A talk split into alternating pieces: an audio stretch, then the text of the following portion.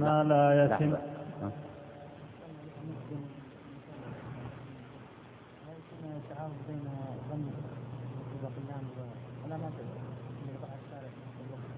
إيه؟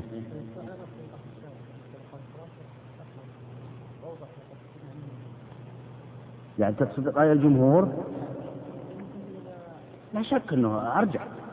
أرجع لا شك لأنه وجد في وقته المحدد شرع ثم قالوا لا دخل لنا. في غلبة ظنه الذي بان خطأه. ذكرتني في هذا في كلامهم هذا. يقول لا دخل لنا. في ظنه الذي بان خطأه. هذا كلام الجمهور. أما الباقين يقول لا لنا دخل. وغلب الظن هذا أخرجه عن وقته المحدد شرعا. لذلك يقع قضاء. نعم. يلا شيء فصل ما لا يتم الواجب إلا به ينقسم إلى أي نعم. هذه مسألة اختلف العلماء فيها كثيرا. ولها تسميات في في الفقه وفي الأصول كثيرة. والمشهور من تسميات مقدمة الواجب. هل هي واجبة أو ليست واجبة؟ أو يسميها بعضهم الوسيلة إلى الواجب.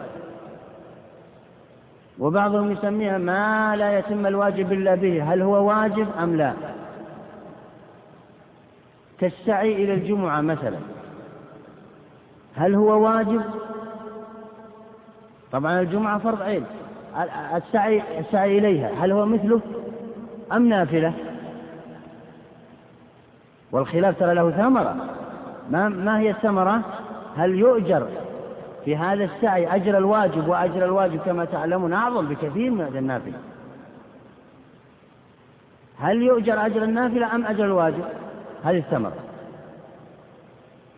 وهكذا. المصنف سماه ما لا يتم الواجب إلا به ينقسم إلى قسمين. ها. ما لا يتم الواجب إلا به ينقسم إلى ما ليس إلى المكلف كالقدرة واليد في الكتابة. ينقسم إلى قسمين. ما ليس إلى المكلف يعني خارج عن قدرته. هذا يقول ليس بواجب عليه ما لا يتم الواجب إلا به ينقسم إلى قسمين. القسم الأول الشيء الخارج عن قدرته.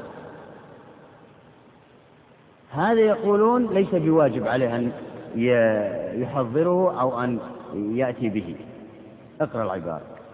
ما ليس إلى المكلف كالقدرة واليد على الكتاب واليد في الكتابة وحضور الإمام والعدد في الجمعة فلا يوصف بوجوب. أي نعم. يقول كالقدرة في الكتابة.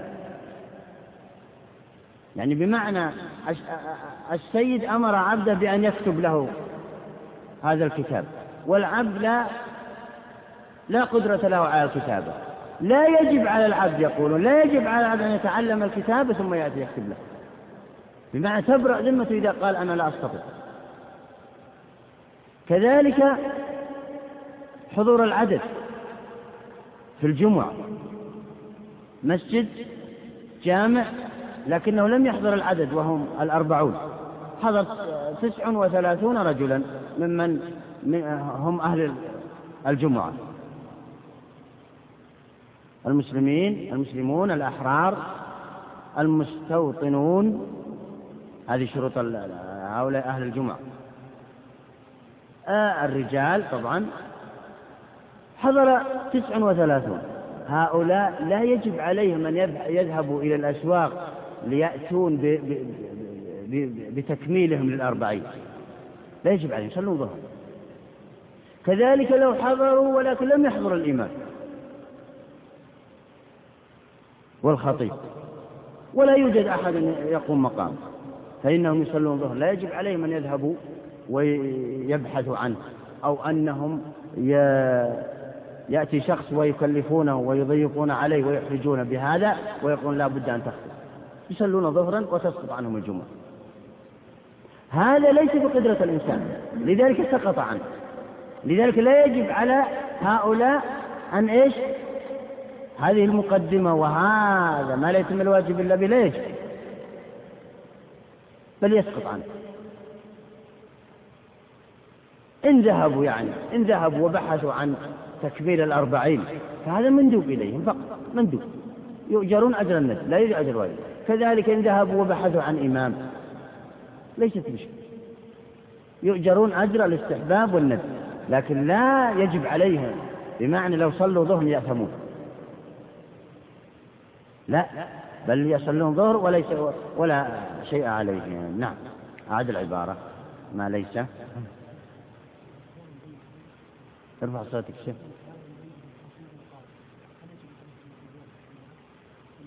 لا ما يجب عليه.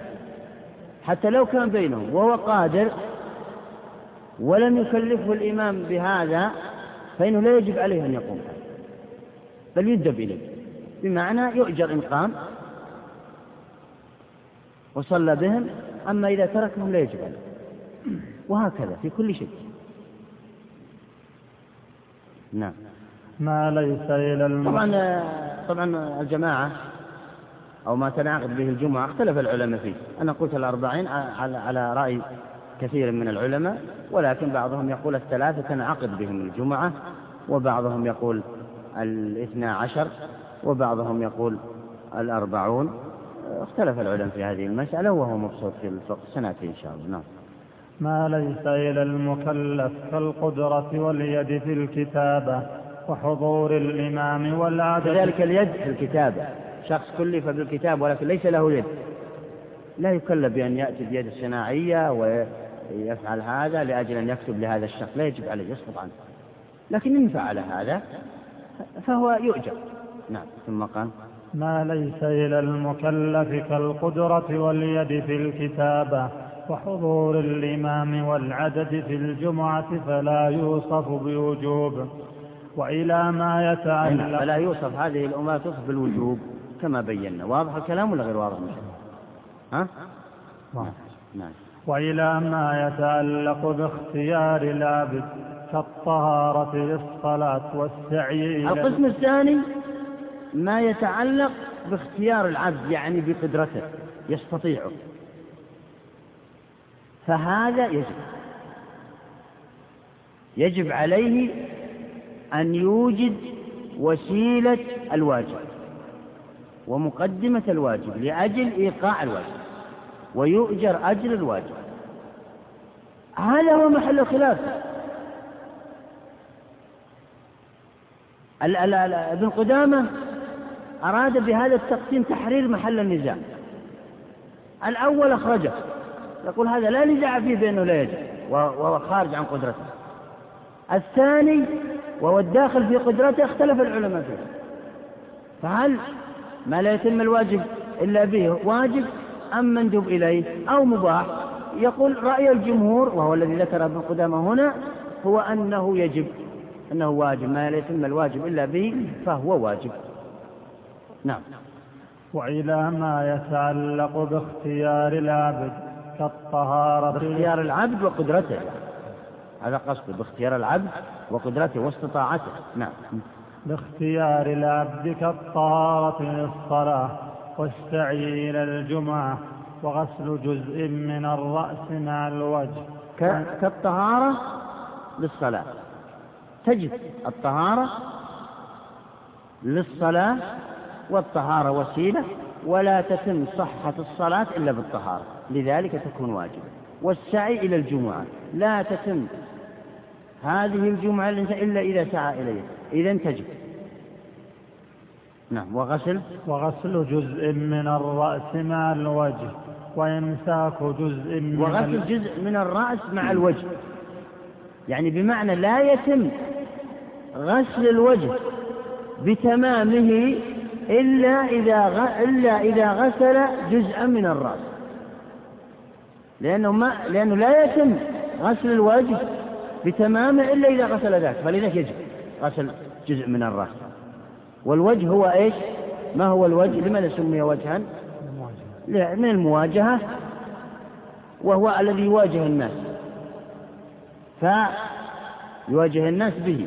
فلا يتم غسله بتمامه إلا إذا غسل جزء من الرأس. فلذلك يجب غسل جزء من الرأس. ثم؟ وغسل جزء من الرأس مع الوجه وإمساك جزء من الليل مع النهار في الصوم فهو واجب. أي نعم كذلك المثال هذا. إمساك جزء من الليل لأجل إيش؟ لأجل أن يتم له يوم. يجب عليه احتياطا طبعا. وهذا من باب الاحتياط لصومه. نعم. هذا إذا اختلف عليه الوقت. يعني بمعنى شخص في الصحراء ما يعلم هل آه، غربت الشمس أو لا أو فيه آه، السماء عليه غيم عليها غيم أو نحو من ذلك فهنا يجب عليه أن يصوم جزء من الليل حتى يتأكد أنه صام كل اليوم. أما إذا كان فيه علامات آه، كالأذان أو نحو من ذلك فهذه مسألة أخرى. نعم.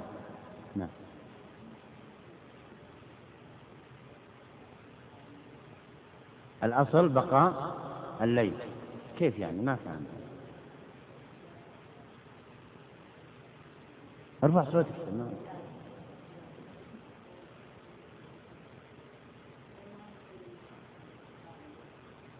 هذا بطلوع الفجر. لكن نتكلم نحن في غروب الشمس حتى يتأكد من صيامه. هذا الشخص اللي وقع عليه لبس في المسألة. هل غابت الشمس؟ ما غابت؟ هل كذا؟ هنا يجب عليه صيام جزء من الليل. أما إذا كان الإنسان يعلم تمام العلم بعلامات أنه أنه أنها غابت الشمس فإنه يندب إليه تعجيل الإفطار كما هو معلوم. نعم. وهذا أولى من قولنا يجب التوصل إلى الواجب بما ليس بواجب. طبعا هو الآن كأنه آه، يختار عبارة أولى بالتعبير عنها عن هذا الموضوع. يقول إن آه، إننا نقول ما لا يتم الواجب إلا به فهو واجب. هذه العبارة أولى من تعبير بعض العلماء. ما هو التعبير؟ وهذا أولى من قولنا يجب التوصل إلى الواجب بما ليس بواجب. أي نعم يقول أن تعبيرا بما لا يتم الواجب إلا به فهو واجب. أولى من قولهم يجب التوصل إلى الواجب بما ليس بواجب. أولى يقول هذا. وإلا العبارة واحدة. العبارة تعني يعني معنى واحد لكن يقول التعبير يختلف. نعم. إذ قولنا يجب ما ليس بواجب متناقض. نعم. يعني إذ قولنا يجب ما ليس بواجب فيه نوع تناقض ظاهري طبعا وليس في المعنى. ليس في المعنى وإنما وإلا المعنى مسألة غسل جزء من الرأس هذا ليس بواجب أصلا. ولكننا أوجبناه لإتمام الواجب أو لأجل أن نحتاط لإتمام الواجب. وهكذا فقولنا الوصول إلى الواجب بما ليس بواجب هذه عبارة فيها نوع من الاضطراب أو التناقض أو نحو من ذلك. فقولنا ما لا يتم الواجب إلا به فهو واجب هذا أولى وأحسن في التعبير. هو فقط كلام لفظي هنا. نعم.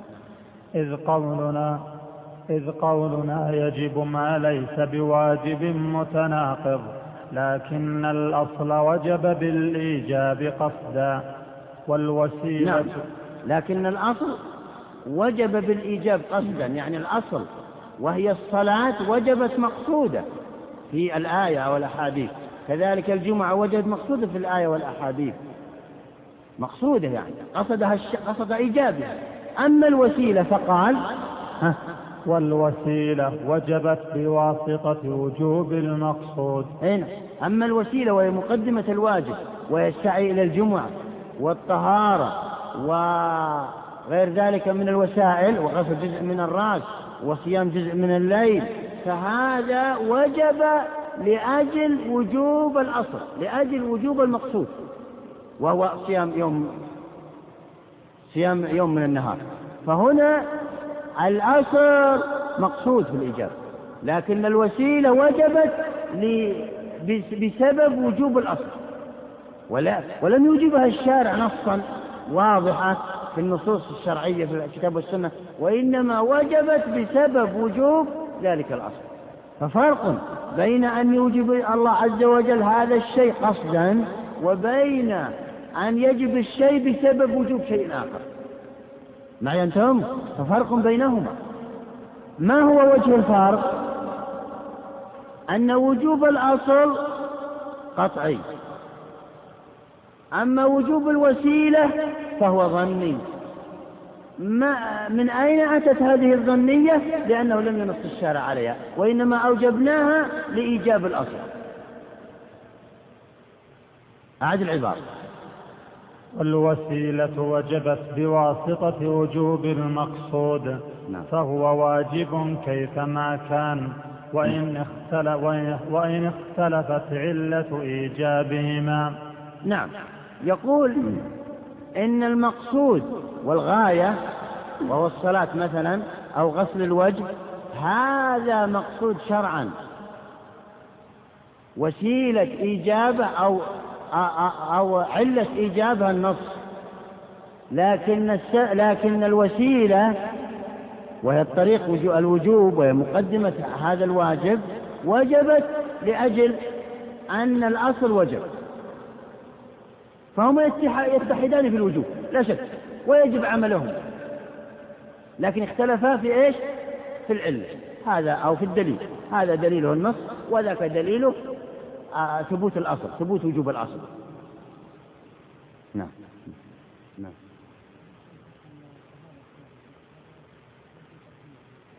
الطهارة؟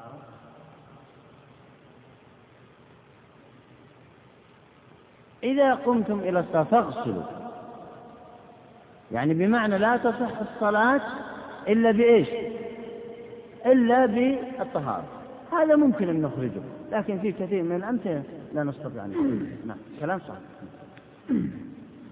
والوسيلة وجبت بواسطة وجوب المقصود فهو واجب كيفما كان وإن اختلفت علة إيجابهما فإن قيل لو كان واجبا لو واضح معنى كلامه وإن اختلفت علة إيجابهما.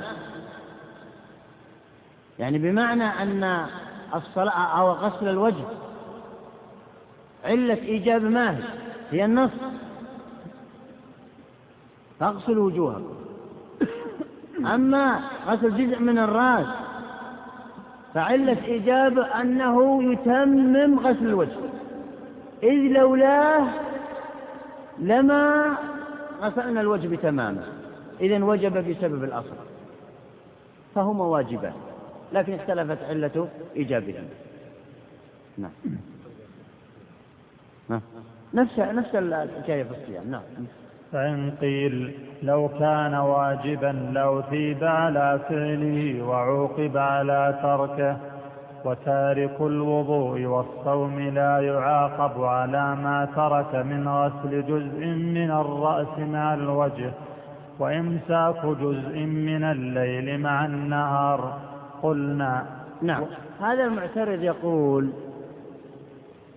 لو كان صحيح ما تقولون. لعوقب بترك؟ بترك وسيلة الواجب ومقدمة الواجب. لأن الواجب ما هو. كما قلنا هو ما يعاقب تاركه مطلقا. وتارك جزء من الرأس. من غسل وجهه بالتحديد يقولون وترك غسل جزء من الرأس لا يعاقب. ونظرا إلى أنه لا يعاقب إذا ليس بواجب. لأن حقيقة الواجب ما هي؟ هو ما يعاقب تاركه. يعاقب لو ترك الوجه.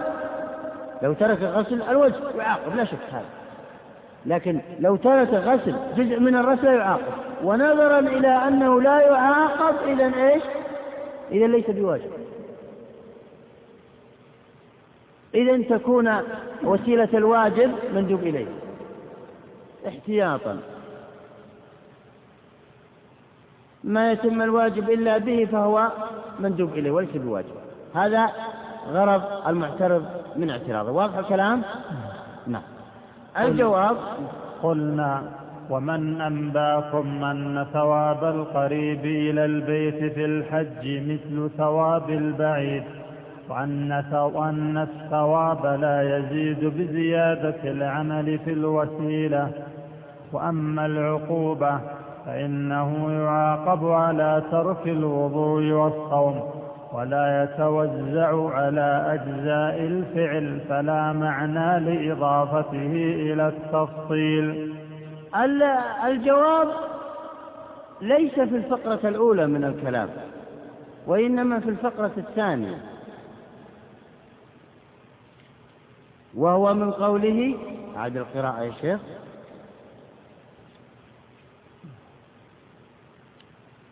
أعد القراءة يا شيخ. نعم. يلا.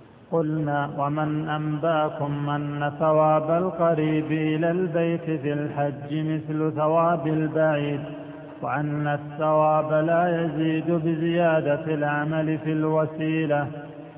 وأما وأما هذا بداية الجواب ترى. الأول لا يعلم لماذا أتى به المصنف لكن سنبينه. اقرأ من قوله فأما. وأما وأما العقوبة فإنه يعاقب على ترك الوضوء والصوم. إي نعم كأنه يقول لا نسلم لك أنه لا يعاقب على ترك الزائد من الواجب. لا نسلم أنه لا يعاقب الشخص الذي آه، اختل أو اضطرب في الصيام لا يدري هل الليل دخل أم لا أم لا أو كذا أنه لو لم يصم من جزءا من الليل لا يعاقب. يقول لا نسلم لك بل يعاقب. لماذا؟ لأنه آه، في تركه لصوم جزء من الليل معناه أنه فرط في صوم النهار. معناه أنه ما تأكد واحتاط لنفسه في صوم النهار. فيعاقب في تفريطه هذا أو على تفريطه هذا. لذلك يعاقب. والعقاب يقولون لا يجزى بمعنى لا يقال هذا عقاب على ترك الواجب الأصلي وهذا عقاب على ترك ما زاد على الواجب. لا, لا يتجزأ. فلا نعلم العقاب على أي شيء. فلذلك يعاقب على الأمرين معا على على ترك جزء من الليل صيام جزء من الليل وعلى ترك غسل جزء من من الرأس. لأنه فرط في إتمام الواجب على كماله. ونوى التفريط وقصده. كيف قصده؟ لأنه ما احتاط لنفسه.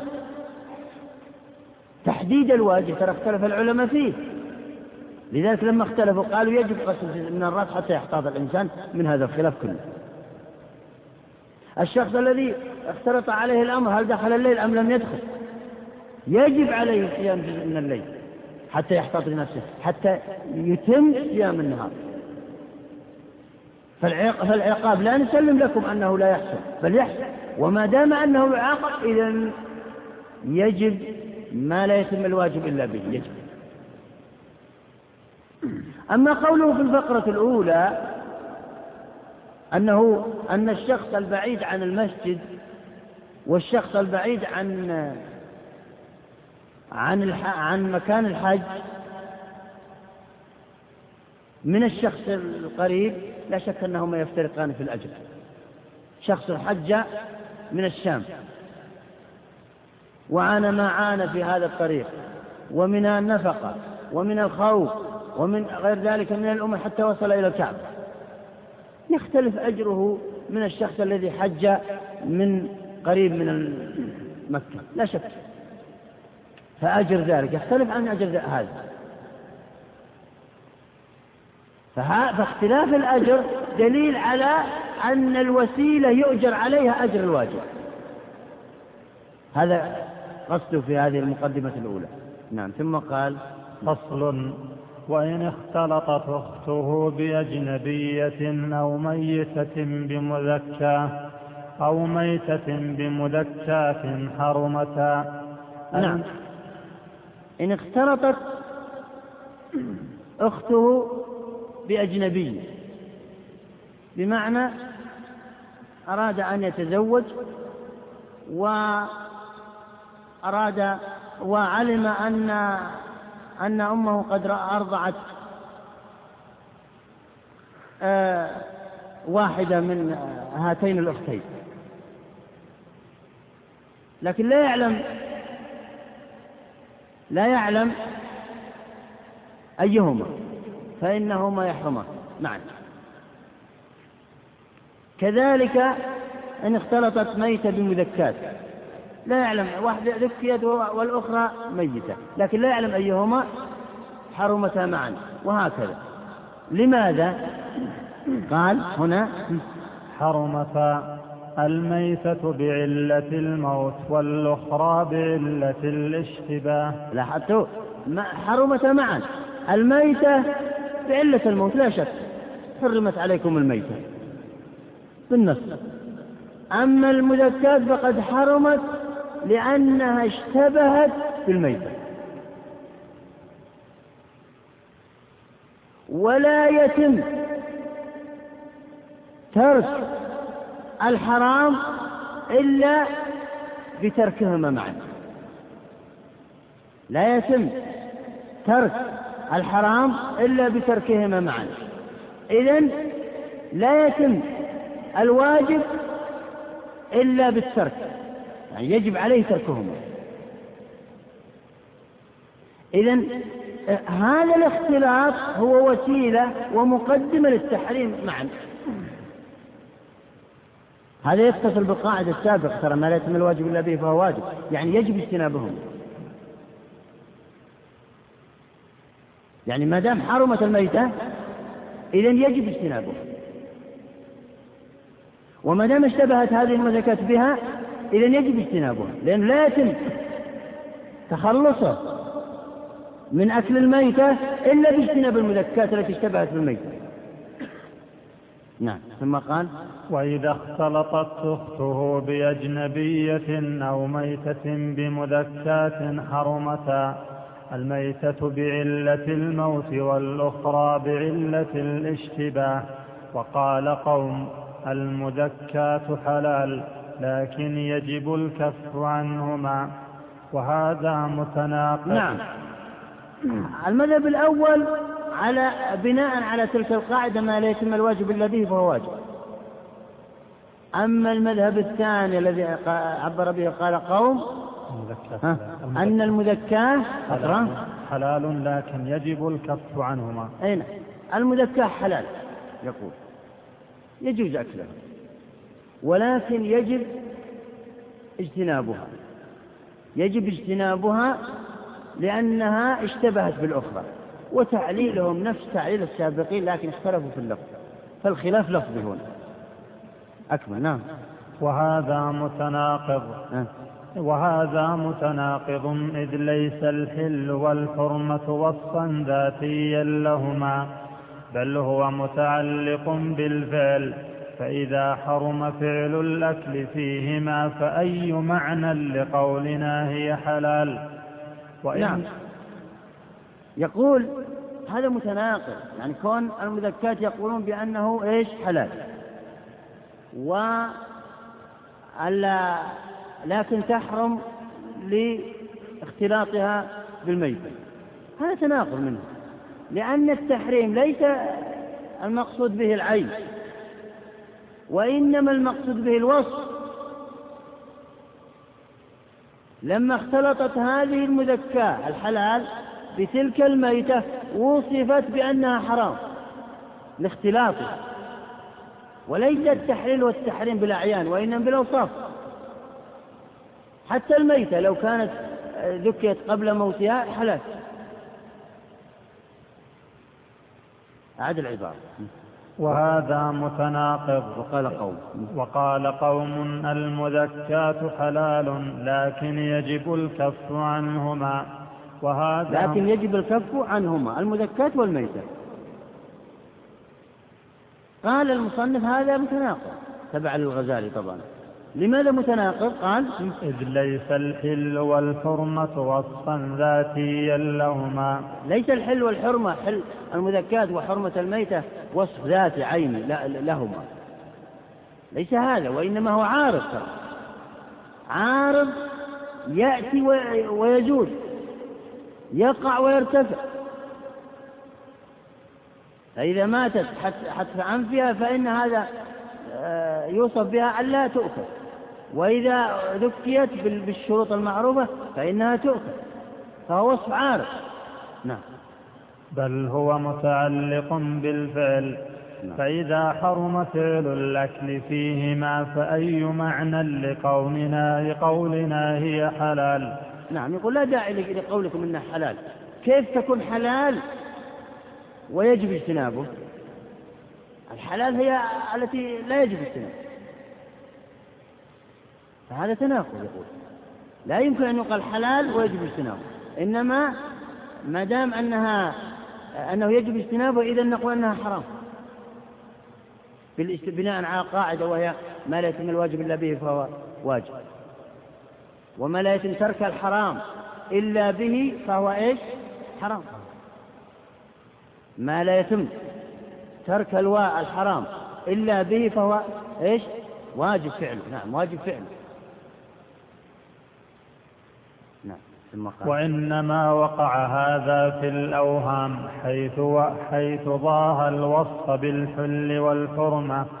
الوصف بالسواد والبياض والأوصاف الحسية وذلك وهم على ما ذكرناه والله أعلم. يعني يقصد, إن, إن هؤلاء القوم قد خلطوا بين حقائق الأمور فظنوا أن الحل والحرمة أوصاف كأوصاف السواد والبياض وهذا ليس بصحيح. السواد والبياض أوصاف عينية للأشخاص الذي لا يزول عنهم السواد ولا البياض أما أوصاف الحل والحرمة فيزول ويقع عارض يعني. هذه الشاة قد تحل وقد تحمل إن ماتت تحل حتف أنفها وإن ذبحت فهي إيش؟ فهي حلف. إذا إذا الوصف يرجع إلى الفعل وليس إلى الذات. ليس مثل السواد والبياض. فلذلك يقول المصنف إن هؤلاء القوم خلطوا بين الأوصاف الذاتية والأوصاف العارضة. فالحل والحرمة أوصاف عارضة. أما السواد والبياض فإيش؟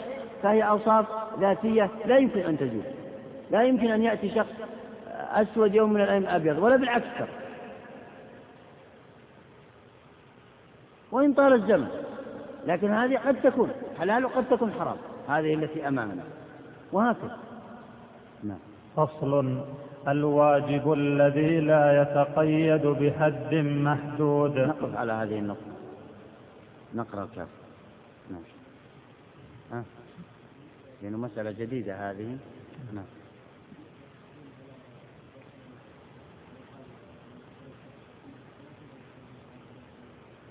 تريدون الكافي ولا نكمل المشايخ؟ بقى فصل على المندوب. ها؟ بقى الفصل هذا ويجي المندوب. الفصل كم كم سطر؟ يمكن أو شوي بس ورقة واحدة. تريدون نكمله ولا تريدون الكافي؟ لأن أرى بعضكم أتى بالكافي لأن الوقت بقى ثلث الآن. يلا نكمل. ما دام الأمر كذا. فصل الواجب على أساس يعني من أتى بالكتاب كذا. لذلك تكون يكون الدرس القادم كله عن إيش؟ عن الكافي على أساس درس آه كل درس آه كتاب. على أساس نعطي كل نعم.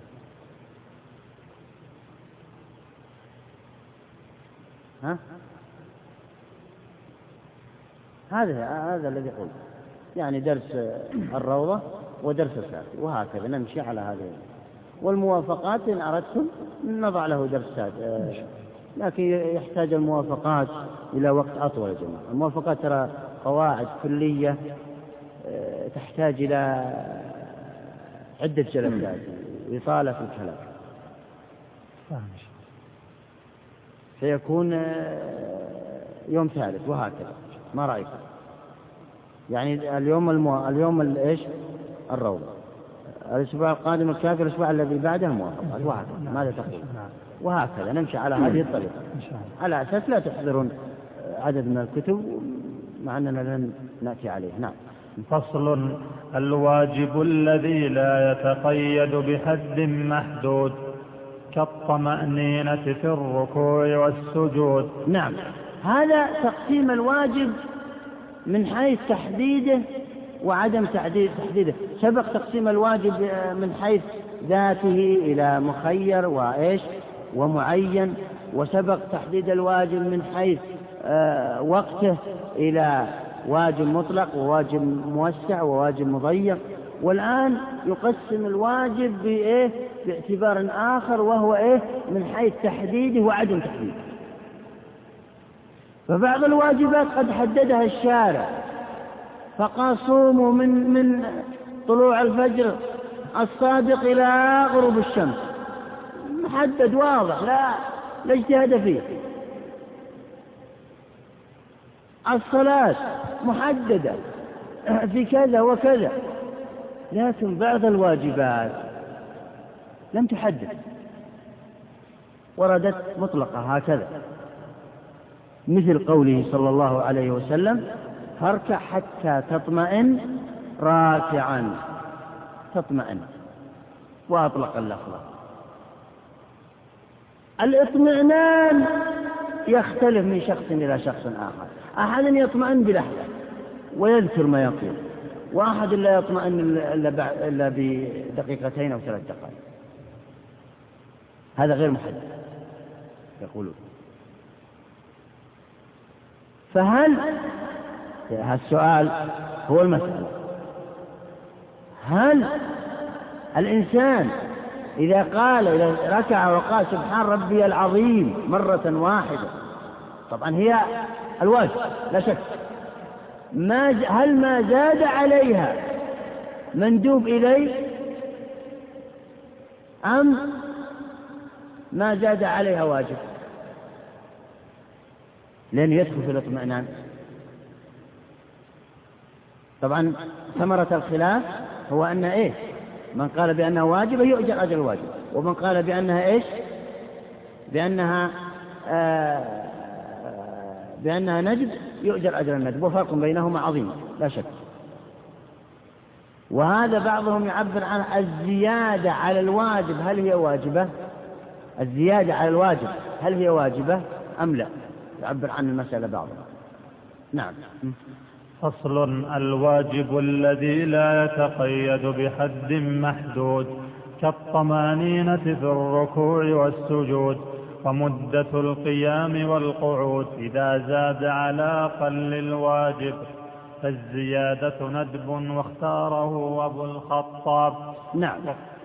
هذا مذهب الجمهور أن الزيادة على الواجب مندوب إليه.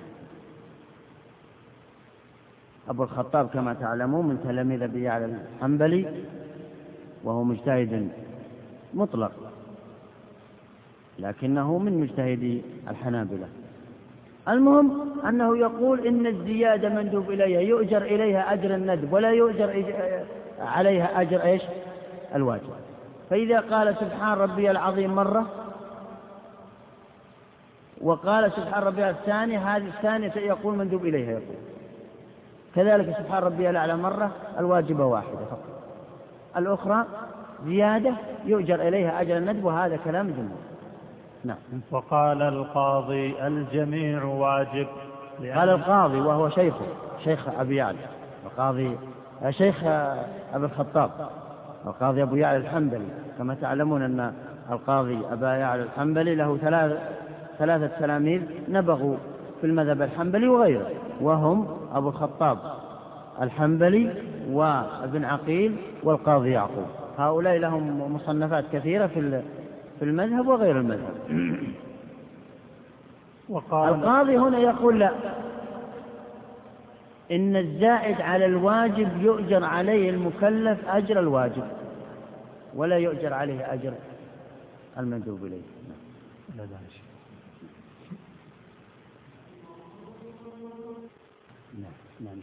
وقال القاضي الجميع واجب لأن نسبة الكل إلى الأمر واحد والأمر في نفسه أمر واحد وهو أمر إيجاب ولا يتميز البعض عن البعض فالكل امتثال. ولنا نعم. القاضي أبو يعلى ومعه بعض العلماء يقولون إن الزائد على الواجب واجب وإذا فعله الإنسان يؤجر أجر الواجب وهذا ثمرة الخلاف. ما هو دليله؟ يقول إن الواجب لا يتجزأ. الأمر واضح والأمر واحد صدر. فاركع حتى تطمئن راكعا يقول إن الأمر صدر بوتيرة واحدة وبوحدة واحدة لا يتجزأ. والأمر هذا للإيجاب لأنه أمر مطلق والأمر المطلق يقتضي الوجوب. هذا هذه وجهة نظر. ولا يمكن أن نقول بعض الأمر للاستحباب وبعض الأمر الآخر للوجوب. ويؤجر على الوجوب بأجر الواجب ويؤجر على الاستحباب بأجر المندوب. هذا يقول تجزئة من غير دليل. فاسجد حتى تطمئن ساجدا. هذا الأمر واحد. فالذي يقع تحته يكون على وتيرة واحدة وهو الوجوب. لأن الأمر لا يتجزأ يقول. هذا كلام من؟ كلام القاضي أبو يعلى. أما الجمهور فقالوا في دليلهم من قوله ولنا. ولنا أن الزيادة يجوز تركها مطلقا من غير شرط ولا بدل وهذا هو الندب. نعم. يقول إن الزيادة على الواجب مندوب إليها ويؤجر عليها أجر الندب وليس أجر إيش؟ الوجوب. لماذا؟ يقول استدلالا بحقيقة المندوب. ما هي حقيقة المندوب؟ هو الذي لا يعاقب على تركه مطلقا. ما أثيب على فعله وما لا يعاقب على تركه. هذا هو المندوب. يقول الإنسان إذا قال سبحان ربي العظيم مرة واحدة تجزئ فلو ترك الاثنتين لا يعاقب على تركهما. كذلك سبحان ربي الأعلى تكفيه.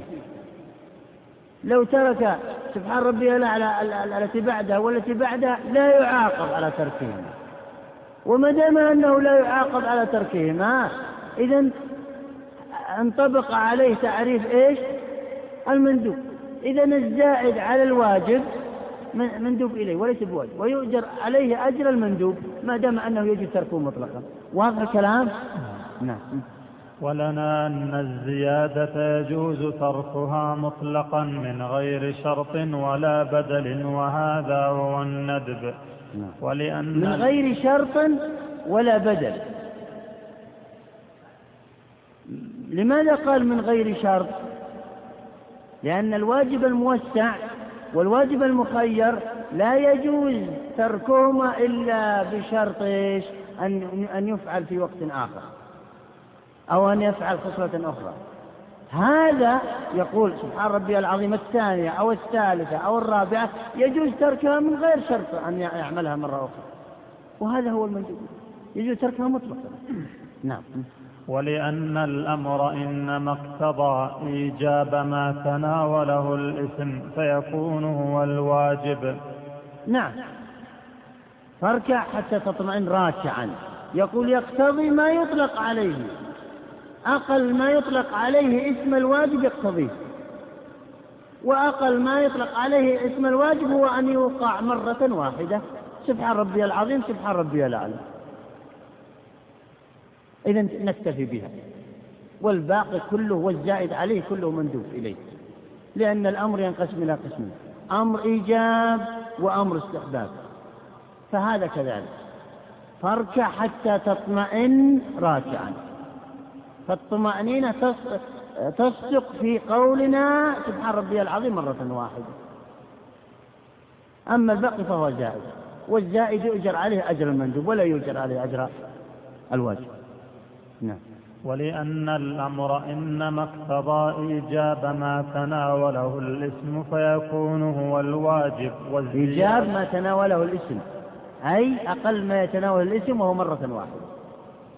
مثل مثلا قول السيد لعبده لعبده اسقني ماء. فإن العبد لو أتى له مرة واحدة بالماء تبرأ ذمته. لأنه إيه؟ لأن الأمر يقتضي مرة واحدة ولا يقتضي التكرار إلا إذا ورد أدلة أخرى. تقتضي التكرار مثل أقيموا الصلاة لو صلى الواحد مرة واحدة لا يجوز. وثم اكتفى بها فإنه يصلي تكرار. لماذا؟ لأن هناك أوامر أخرى. قرائن أخرى دلت على التكرار. لكن الأمر المجرد عن التكرار وعن القرائن لا يقتضي إلا مرة واحدة. لو قال له اشتر لي بهيمة. فإذا اشترى بهيمة واحدة تبرأ ذمته. ولو اشترى أكثر من بهيمة لا أفنى دراهمه من غير من غير حق ولا لامها السيد على هذا. فكذلك هنا يقولون إن الأمر حتى تطمئن راكعا يكتفى بمرة واحدة وهي سبحان ربي العظيم. وهذا هو دلالة على وجوب سبحان ربي العظيم مرة واحدة ولا تجب. إنما إذا ذكر مندوب إليه يؤجر أجر الناس. إذا ذكر أكثر منه نعم. ولأن الأمر إنما اقتضى إيجاب ما تناوله اسم فيكون هو الواجب والزيادة ندب. نعم. وإن كان لا يتميز بعضه عن البعض فيعقل كون بعضه واجبا وبعضه ندبا. كما لو أدى دينارا عن عشرين. نعم. هذا رد على كلام القاضي أبي يعلى. العبارة الأخيرة هي جواب عن, عن دليل القاضي أبي يعلى. ما معناه قال لا نسلم لك أن الواجب لا يتجزأ أن الأمر لا يتجزأ إلى أمر استحباب وأمر إيجاب لا نسلم لك ذلك وأنه وحدة واحدة. بل يجوز للإنسان أن يدفع شيئا وين وينوي فيها الإيجاب والاستحباب. مثل أن الزكاة لا تجب إلا في أربعين دينار. زكاة دينار ويخرج عنها دينار واحد. أنتم معي؟ لكن لو كان عنده عشرون دينارا فقط. وأخرج عليها دينار كامل. فإنه يكون نصف الدينار عن العشرين والنصف الآخر مندوب إليه يعني صدقة مطلقة وليست مقيدة بالزكاة. وهكذا يقول. لا نسلم لك أنه لا يتجزأ بل يتجزأ. الأوامر تتجزأ أوامر آه، إيجاب وأوامر استحباب. وهكذا. نعم. القسم الثاني المندوب. نعم نقف على هذه النقطة. وهو القسم الثاني من أقسام الأحكام التكليفية. وصلى الله على نبينا محمد وعلى آله وصحبه أجمعين. بسم الله الرحمن الرحيم. الحمد لله رب العالمين والصلاة والسلام على رسول الله وعلى آله وأصحابه أجمعين. اللهم اغفر لنا ولشيخنا وللحاضرين برحمتك يا أرحم الراحمين. قال الإمام ابن قدامة رحمه الله تعالى في كتابه الروضة القسم الثاني المندوب. والندب في اللغة الدعاء إلى بسم الله. بسم الله. والحمد لله. والصلاة والسلام على رسول الله. آه انتهينا من القسم الأول من الأحكام التكليفية وهو الواجب ومسائل أو المسائل التي تتعلق آه، به. الآن ثنى المصنف بالمندوب. ومناسبة وضع المندوب بعد بعد الواجب واضحة وهي أن كل من الواجب والمندوب أن كل من الواجب والمندوب يشتركان في طلب الفعل. يعني كل منهما طلب للفعل. فالواجب طلب الفعل طلبا جازما والمندوب طلب الفعل طلبا غير جازم. فنظرا لذلك وضع المندوب بعد الواجب لاشتراكهما في هذا الأمر. والمندوب أيضا يشترك مع الواجب في الأمر أن كل منهما مأمور به لكن هذا آه، الواجب. فيه أمر يعاقب من تركه والمندوب لا يعاقب من تركه. وعرف المصنف المندوب لغة واصطلاحا كما فعل هناك في الواجب فقال والندب في اللغة الدعاء إلى الفعل. كما قال الشاعر لا يسألون أخاهم حين يندبهم في النائبات على ما قال برهانا. إي نعم. هذا المندوب لغة هو الدعاء إلى الفعل. دعا الشارع هذا المكلف إلى أن يفعل هذا الفعل. دعوة عامة. إن فعل فله أجر. وإن لم يفعل فلا إثم عليه. ولكن بعض العلماء عرفوه بتعريف آخر في اللغة فقالوا هو الدعاء, هو الدعاء إلى أمر مهم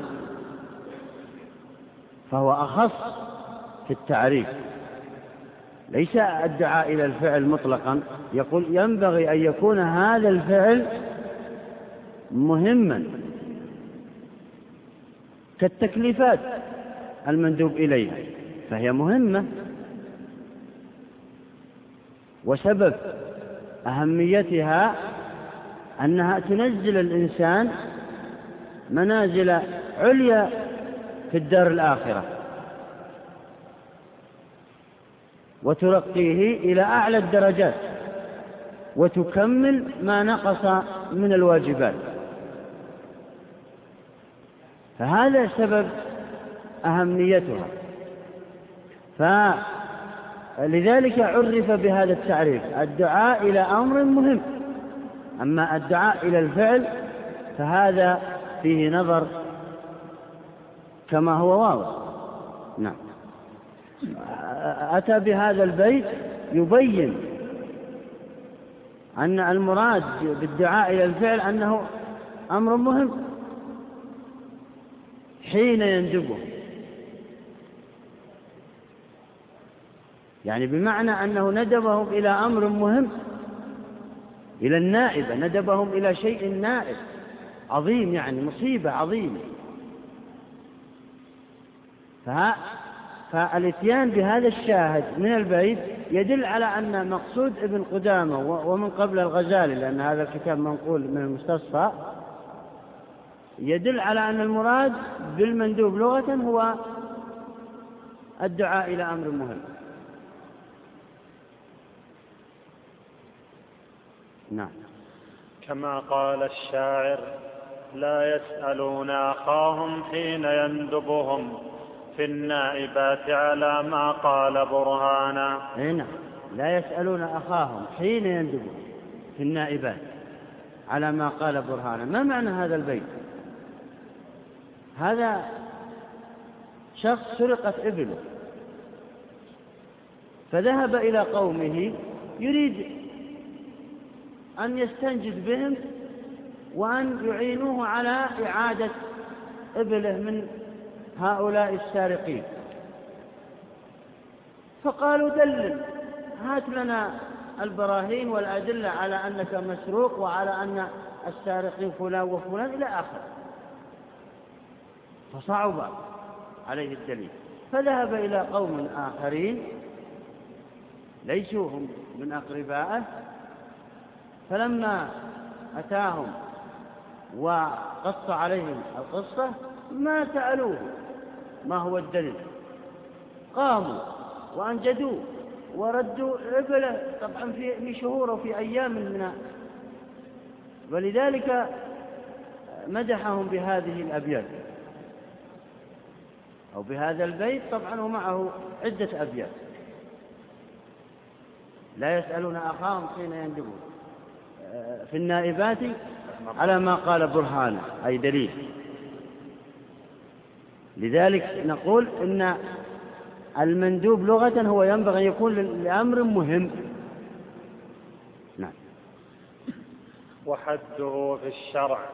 مأمور لا ما والدليل على هذا أنه لأمر مهم أيضا ما أكثر الأصدقاء حين تعدهم ولكنهم في النائبات قليل. يعني إذا كثير جدا الأصدقاء والمعارف ومن يتحبب إليه. لكن عند النائبة يعني عند المصيبة العظيمة ما تجد أحدا. وهذا الذي أشار إليه هذا الشاعر. وحده في الشرع مأمور لا يلحق بتركه ذم من حيث تركه من غير حاجة إلى بدل. نعم. مأمور هذا يعني الفعل المأمور به وكلمة مأمور جنس دخل فيه الواجب والمندوب. الواجب أيضا مأمور به. الواجب مأمور به فاشترك في كلمة مأمور. لا يلحق بتركه عقاب. هنا خرج ماذا؟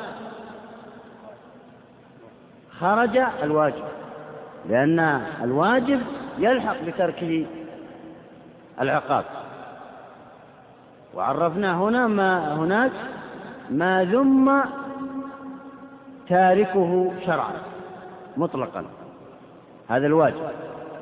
وهذا وصفه بأن لا يلحق بتركه عقاب. يعني إن فعلت فلك أجر وإن لم تفعل ما ليس عليك إثم أو عقاب أو ذم أو تنقيص أيضا. لذلك كلمة مأمور أخرجت المباح والمكروه والحرام.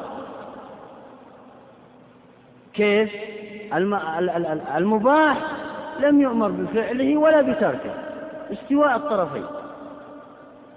والمكروه مأمور بتركه منهي عنه المكروه لكن نهي غير جاز كما سيأتينا. والحرام منهي عنه نهيا جازما. لذلك خرجت هذه الأمور كلها الثلاثة. ودخل الواجب واشترك الواجب بكلمة المأمور اشترك الواجب والمندوب. لما قال لا يلحق بتركه عقاب أخرج الواجب. إذا برز ماذا؟ المندوب. ثم قال من غير بدل.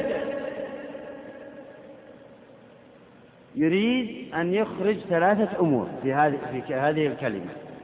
الواجب الموسع والواجب المخير والواجب الكفاية. لأن هناك هذه الأمور يجوز تركها ولكن ببدل يعني بمعنى لا يجوز ترك الواجب الموسع في أول وقت إلا إذا عزمت على فعله في آخر الوقت. لا يجوز ترك الواجب المخير هذا المعين من إكساء أو إطعام أو اعتاق إلا إذا عزمت على فعل غيره. يعني تركت الإكساء لأجل أنك ستعمل الإطعام. الواجب الكفائي لا يجوز أن تتركه إلا إذا علمت بأنه مفعول فعله آخر. أما إذا ما علمت فيجب عليك فرض عين ينقلب فرض الكفاية كما سيأتينا إلى فرض عين ترى إذا لم يقم به أحد كصلاة الجنازة والتكفين والتغسيل وغير ذلك هذه كلها فروض كفايات وإنقاذ الغرق وكذا إلى آخره. إذا لم يوجد أحد فيكون فرض عين وسيأتينا كيف ينقلب تنقلب هذه الأمور من حقيقتها إلى حقيقة أخرى. المهم فهذه الكلمة من غير بدل أخرج هذه الأمور. يعني يجوز المندوب هو يجوز تركه مطلقا بدون بدل. نعم. وحده في الشرع. مأمور لا يلحق بتركه ذم من حيث ذم, ذم. لا يلحق بتركه ذم. طبعا ال ال الواجب هو الذي يلحق بتركه ذم. والذم في الشريعة هو كما قلنا هناك هو التنقيص. هو التنقيص. وبعضهم فسره بأنه العقاب. نعم. وحده في الشرع. مأمور لا يلحق بتركه ذم من حيث تركه من غير حاجة إلى بدل. من حيث تركه من حيث تركه. ما معنى هذه العبارة؟ لماذا أتى بها المعرف؟ أتى بها ليبين أن المعرف هو حقيقة المندوب. الذي لا توجد قرائن تدل على إلزام هذا المكلف به. أما إذا وجدت قرائن فهذا يلحق بالواجب. هذا لأجل ذلك أتى بهذه الكلمة. وقيل هو وقيل هو ما في فعله ثواب ولا عقاب في تركه. هو التعريف الأول تعريف بالحقيقة والماهية. أما التعريف الثاني تعريف بالحكم. تعريف بالحكم وفرق بينهما. هو ما يثاب على فعله ولا يعاقب على تركه. هذا تعريف بالحكم وأكثر الفقهاء يعرفون الأمور بهذا الأمر بهذا بهذا التعريف وهو التعريف بالحكم. أما التعريف بالحقيقة فهو أقوى. لمن أراد التعلم على الحقيقة ولمن أراد أن يقارن بين حقائق الأمور. نعم. التعريف الثاني هذا تعريف بالحكم ولا بالأثر؟ لأنه هو نفس المندوب حكم بذاته. هو لا حكم أصول المندوب. لكن التعريف الثاني حكم فرعي. يعني بمعنى أن المندوب يريد أن يبين لكم ما هو المندوب وما هو الفرق بينه وبين غيره من الأحكام التكليفية. هذا كقاعدة أصولية يبينها الآن. أما الثاني فهو تعريف بالحكم بمعنى يبين حكمه لك. هو ما يثاب على فعله ولا يعاقب على تركه. هذا الفرق بين التعريفين. والعلماء اختلفوا في التعريفات. بعضهم يعرف بالحكم وبعضهم يعرف بالماهية وبعضهم يعرف بالمثال. وهكذا كل يريد أن يصور هذا المصطلح لهذا القارئ بأي طريقة من الطرق. وكل هدفه هو تعليم غيره. نعم. الآن معلق الآن ثواب العقاب. ثواب العقاب هو أثر على الحكم. أثر مبني على الحكم. فليس يعني الأولى لا ليس أثر على الحكم. العقاب حكم بنفسه هو حكم. لكن هو أثر للقاعدة. أثر لقاعدة أصولية. أما الحكم هو هو نفسه أثر. أصلا هو الحكم هو الأثر. يعني بمعنى الآن سيأتينا أو قد نكون قد فرقنا فيما سبق بين الحكم عند الأصوليين والحكم عند الفقهاء. ترى فرق بينهما الحكم عند الأصول عند الأصوليين هو الخطاب نفسه. أقيموا الصلاة. هذا حكم يسمى. هذا واجب عندهم أو أو إيجاب يسمى عندهم وهذا حكم. لكن عند الفقهاء الحكم هو أثر هذا النص أثر هذا الخطاب وليس هو الخطاب.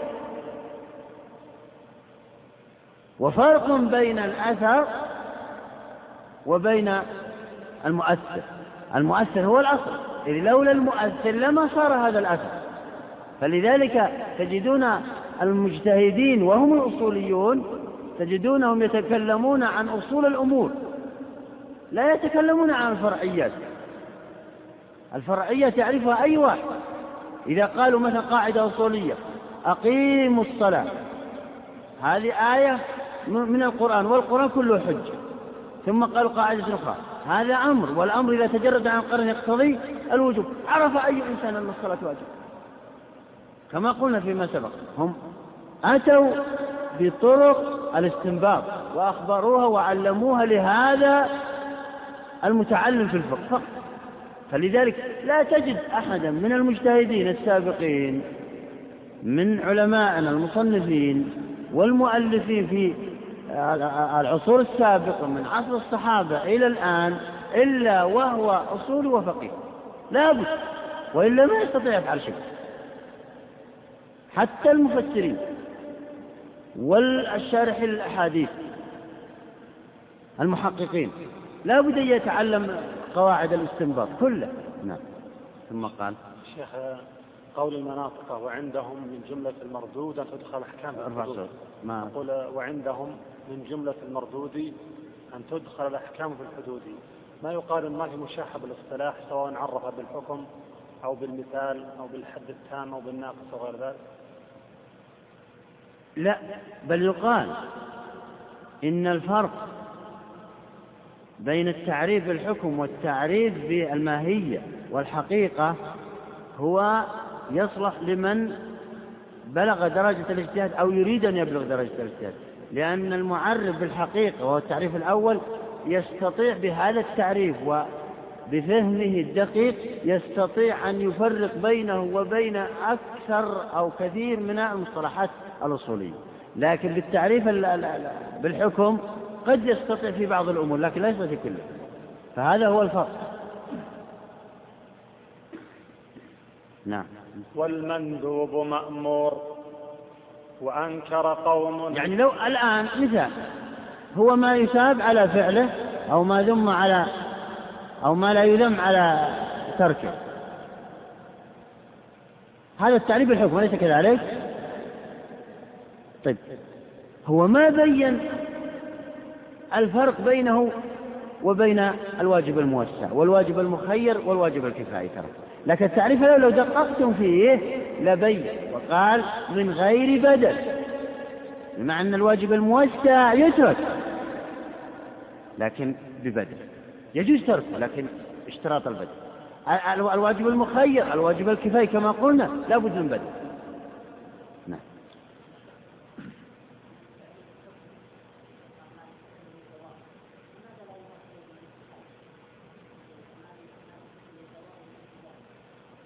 لا هو كلمة فعله تكفي.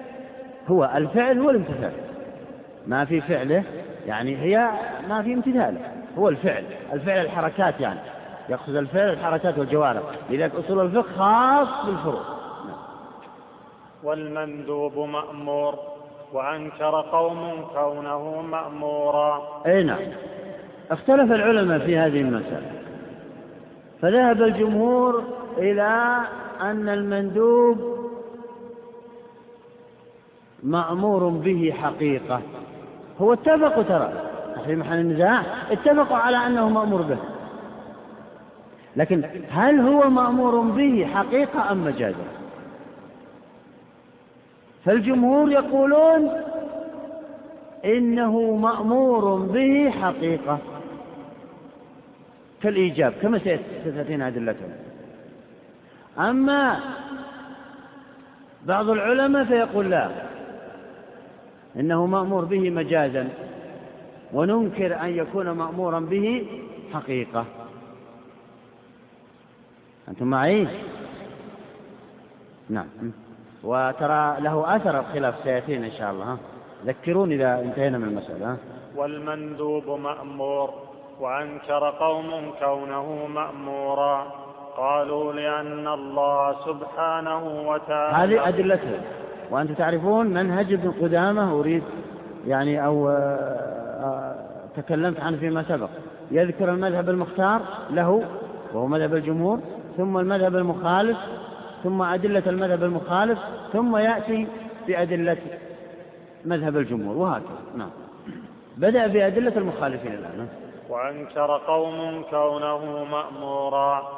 قالوا لأن الله سبحانه وتعالى قال فليحذر الذين يخالفون عن أمره أن تصيبهم فتنة أو يصيبهم عذاب أليم والمندوب لا يحذر فيه ذلك ولأن النبي نعم هذا الدليل الأول من النص. فليحذر الذين يخالفون عن أمره. يقول لو كان المندوب يقولون هم لو كان المندوب مأمورا به حقيقة لما كان الله عز وجل يقول هذا الكلام. لأن المندوب هو ما يثاب على فعله ولا يعاقب على تركه. وها ونص الآية تدل على العموم. تدل على أن الله عز وجل حذر من خالف أمره. إذا تارك المندوب يكونون قد خالفوا أمره. يكونون قد خالفوا أمره. إذا يحصل لهم العقاب. يقولون على التعريف الذي سبق وهو أنه لا يعاقب على على تركه هذا المندوب. لو مشينا على هذا التعريف لما آه، كانت هذه الآية على وجهها. والآية لا بد أن تكون على وجهه والأمر عام. فلذلك يقولون إن الأمر هنا ليس حقيقي وإنما هو مجازي فقط الأمر في المندوب. وإنما الله عز وجل خصص هذه الآية بمخالفة الواجبات فقط لا بمخالفة المندوبات. لأنه توعده والتوعد خاص بالواجبات بترك الواجبات. يعني. نعم. قالوا لأن الله سبحانه قال فليحذر الذين يخالفون عن أمره أن تصيبهم فتنة أو يصيبهم عذاب أليم. أي نعم. المخالفون عن أمر الله تصيبهم فتنة أو يصيبهم العذاب. هذا عقاب توعد بالعقاب. والمندوب كما عرفنا فيما سبق يقولون هو إيش؟ هو أنه لا يعاقب تارك. فلذلك ليس مأمورا به. لذلك تجدون أصحاب المذهب الثاني خصصوا الأمر بالواجب فقط. الحقيقة الأمر الحقيقي يخص الواجب. نعم هذا الدليل الأول. والمندوب لا يحذر فيه ذلك. ولأن النبي صلى الله عليه وسلم قال لولا أن أشق على أمتي لأمرتهم بالسواك عند كل صلاة وقد ندبهم إلى السواك علم أن الأمر لا يتناول المندوب. أين لولا أن أشق على أمتي لأمرتهم بالسواك. فهنا نفى الأمر لأنه يؤدي إلى المشقة. يعني لولا وجود المشقة لأثبت الأمر. لولا وجود المشقة لأثبت الأمر. ولكنه نفى الأمر لوجود المشقة. فهذا يدل على أن كل مأمور به فيه مشقة. فهذا يدل على أن الأمر خاص بالواجب وليس ولا يدخل المندوب. معي أنتم؟ هذه وجه الدلالة.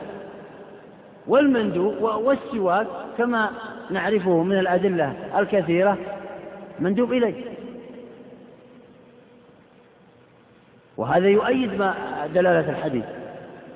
لولا أن أشق على أمتي لأمر هذا يدل على أن الأوامر خاصة بالمشقة. والذي يتصل بهذه الصفة هو الواجب. الواجب لا شك أنه فيه تضييق وفيه مشقة. لكنه أتي به أتى به الشارع للاختبار والابتلاء. نعم. ولأن الأمر اقتضاء جازم لا تخيير معه وفي الندب تخيير. أيوه هذا الدليل الثالث. الدليل الأول من الكتاب. الدليل الثاني من السنة. الدليل الثالث من الاستدلال بالتلازم. ما معنى ذلك؟ يقولون نحن نعرف الأمر بأنه يدل على الجزم. إذا أمر شخص شخصا آخر فإنه عازم وجازم أن ينفذ هذا الشخص المأمور به. وهذا يصدق على الواجب. إذا إذا صدر الأمر من السيد لعبده فإنه إيه؟ فإنه يجب على العبد أن ينفذ لا يخير. إن شئت افعل وإن شئت لا تفعل. ويقولون والمندوب لو دققنا في تعريفه لوجدنا أن فيه تخيير فيه معنى تخيير وإن كان بعيدا. الشرع ماذا بين في التعريف؟ أو بين العلماء في التعريف. ماذا قال؟ إن فعل فله أجر وإن لم يفعل فلا إثم عليه. هذا فيه نوع تخيير لكن الأمر لا. يقول فيه جزم وعزم لهذا المأمور أن إيش؟ أن ينفذ ما أمر به الآمر خاصة إذا كان الآمر عالي على المأمور كالسلطان بالنسبة لرعيته والوالد بالنسبة لأولاده والسيد بالنسبة لعبيده كل هذه الأدلة الثلاثة ترى انطلقت من التعريف. يعني لو دققنا في الأدلة الثلاثة لوجدنا أن المستدلين وضعوا التعريف السابق أمام أعينهم ونزلوا هذه الآية وهذا الحديث وهذا الدليل على هذا. قالوا ما دام أنكم تعرفون المندوب هكذا إذا ليس مأمور به. أعد الدليل الثالث. نعم. ولأن الأمر اقتضاء جازم لا تخير معه وفي الندب تخيير نعم وفي الندب تأخير نوع تأخير. والأمر معروف في تعريفه هو اقتضاء الفعل. هو اقتضاء الفعل بالقول على وجه الاستعلاء كما سيأتينا في تعريفه. نعم. ولم يسم تاركه عاصيا. هذا الدليل الرابع. ولم يسمى تاركه عاصيا. يقول لو كان مأمورا به للزم من ذلك أن التارك له المندوب يعني يسمى عاصي وهذا لم يثبت. أجمع العلماء على أن تارك المندوب لا يوصف بالعصيان. أبد أما تارك المأمور به فإنه يسمى عاصيا. لذلك يخصص الأمر بالوجوب ولا يدخل المندوب تحت الأوامر. هكذا قال. واضح الكلام؟ يقولون وهذا الدليل الرابع من التلازم أيضا. يلزم يقولون يلزم. من قولنا إن إن إن المندوب مأمور به يلزم منه أن تاركه يكون عاصيا. وهذا غير صحيح خلاف الإجماع. فلذلك الآن بسبب جهل كثير من الناس خلطوا بين المندوبات والواجبات. لذلك تجدونهم يتركون الواجبات ويهتمون بالمندوبات. تجد صلاة التراويح لا يتأخر عنها أحد إلا ما نزل. أما غيرها وأما الواجبات الأخرى فيتأخرون طبعا لأغراض هم أرادوا نعم. ولنا أن نعم ولنا. بدأ بأدلة الجمهور. على أن المندوب مأمور به حقيقة. ولنا أن الأمر استدعاء وطلب والمندوب مستدعى ومطلوب فيدخل في حقيقة الأمر. قال الله تعالى إن الله يأمر بالعدل والإحسان. الدليل الأول لهم إن يقولون لو دققنا في حقيقة تعريف أو في حقيقة الندب وهو تعريف الندب لوجدنا أن المندوب مستدعى ومطلوب. والأمر كذلك هو استدعاء وطلب. إذا يدخل المندوب تحت أنواع الأمر. ويشارك الواجب في هذا. كل ما في الأمر أن الواجب يعاقب على تركه والمندوب لا يعاقب على تركه. والأمر ينقسم إلى قسمين أمر إيجاب وأمر استحباب كما قال. فلذلك ما دمنا أن نعرف الأمر بأنه استدعاء وطلب.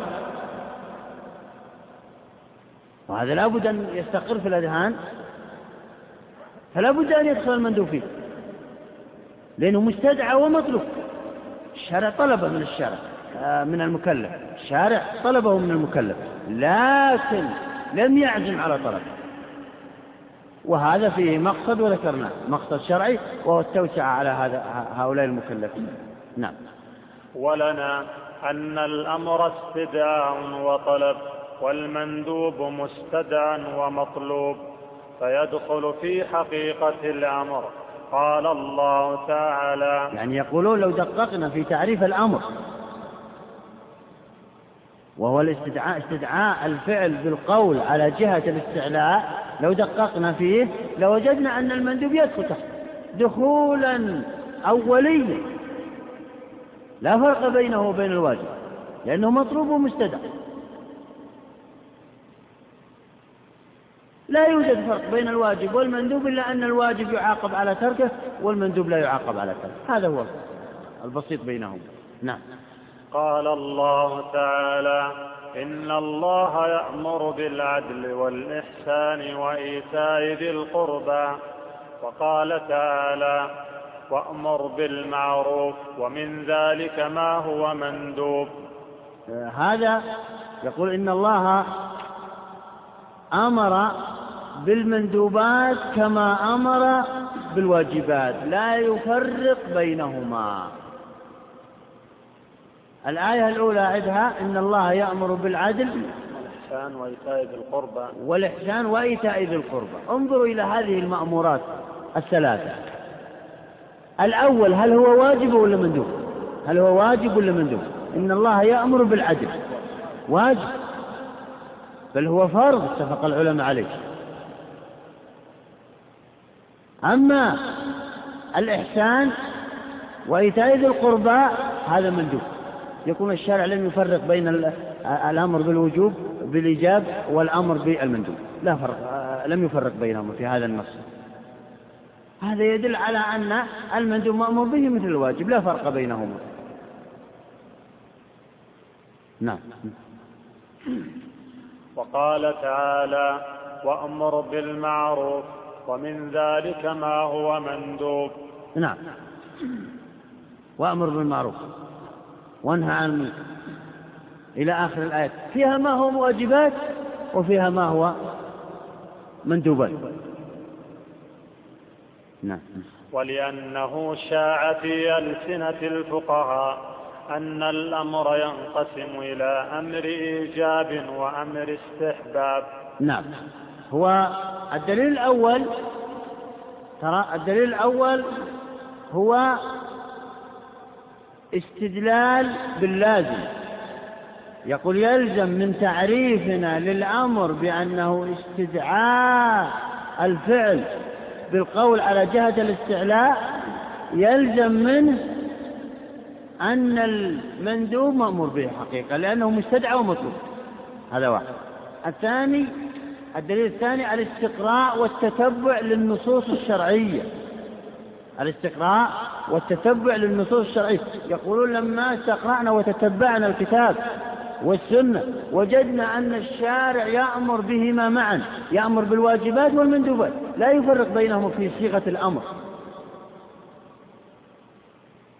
الدليل الثالث إجماع الفقهاء. في كلامهم في الفقه. فإنهم يقولون فإنهم يقولون إن الأمر ينقسم إلى قسمين أمر إيجاب وأمر استحباب. نعم. ولأنه شاع في ألسنة. قد يسأل سائل ويقول ما دام الأمر واحد لماذا فرقنا بين هذا وذاك؟ أليس كذلك؟ يعني لماذا صار هذا مندوب وهذا واجب؟ إن الله يأمر بالعدل والإحسان. لماذا؟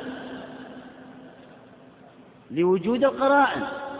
لوجود القرائن التي دلتنا على أن العدل واجب وفرض وعلى أن الإحسان إلى الناس بأي إحسان هذا مندوب.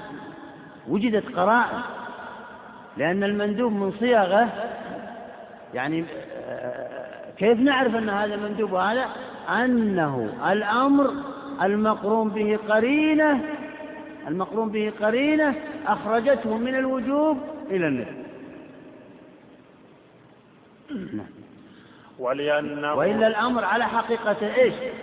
الأمر على حقيقته هو إيش؟ بمعنى أن الأمر هو للوجوب أصلا يقتضي الوجوب لكنه إيه أخرج المندوب بقرينة من القرائن الشرعية التي صحت عند العلماء. وستأتينا هذه القرائن نعم. ولأنه شاع في ألسنة الفقهاء أن الأمر ينقسم إلى أمر إيجاب وأمر استحباب ولأن فعله طاعة وليس ذلك لكونه مرادا إذ الأمر يفارق الإرادة. ولا لكونه عاد العبرة ولأنه الدليل الخامس. ولأن فعله طاعة وليس ذلك لكونه مرادا إذ الأمر يفارق الإرادة. ولا لكونه موجودا فإنه موجود في غير الطاعات. ولا لكونه متابا فإن الممتثل يكون مطيعا وإن لم يثب وإنما الثواب للترغيب في الطاعات. نعم هذا الدليل الخامس. يقولون إن المندوب موصوف بأنه طاعة ولم يوصف بأنه طاعة لأجل أنه موجود. فإن أشياء المباحة توجد. ولا لأنه آه، غير ذلك من الاحتمالات التي ذكرها المصنف. إنما وصف بأنه طاعة لأجل أن يثاب فاعله. أي شيء يثاب فاعله فإنه إيه؟ فإنه يسمى طاعة ويوصف بالطاعة. وما أثيب على فعله يلزم أنه مأمور به. حقيقة. لا يمكن أن يثاب أي إنسان على فعل أي شيء إلا إذا كان مأمورا به. قاعدة معروفة. أما أنه يفعل المباحات هذا لا يثاب ولا يؤجر ولا يؤجر ولا يعاقب حتى ولا يذب إذا فعل المباحات. أما المندوب فإنه يقولون يلزم من وصفه بالطاعة أنه يثاب ويلزم من أنه يثاب أنه مأمور به هذا اختصار هذا الدليل الخامس. نعم. ولأن فعله طاعة وليس ذلك لكونه مرادا إذ الأمر يفارق الإرادة. نعم. هذا ليس وصف بأنه مراد بأنه طاعة أنه مراد من الشارع. فهذا غير ذلك. فالشارع أوجد هذا الأمر وأمر به. وبعض المكلفين قد يوجده وقد لا وبعضهم قد لا يوجده. فلو أراد إيجاده لوقع ولكن الله خير المكلف وبين له الأدلة. إن أوجده فله ثواب وإن لم يوجد فليس عليه عقاب نعم. ولا لكونه موجودا فإنه موجود في غير الطاعات. إن. وليس لكونه موجود فإنه موجود في غير الطاعات وهي المباحات. موجود الفعل. نعم. ولا لكونه متابا. يعني بمعنى أنه الآن الوفاء بالدين. هذا هذا يجب عليك لا شك. لكن لا تؤجر أجر المندوبات. ولا تؤجر أجر الواجب ترى. وهكذا. نعم. ولا لكونه متابا. فإن الممتثل يكون مطيعا وإن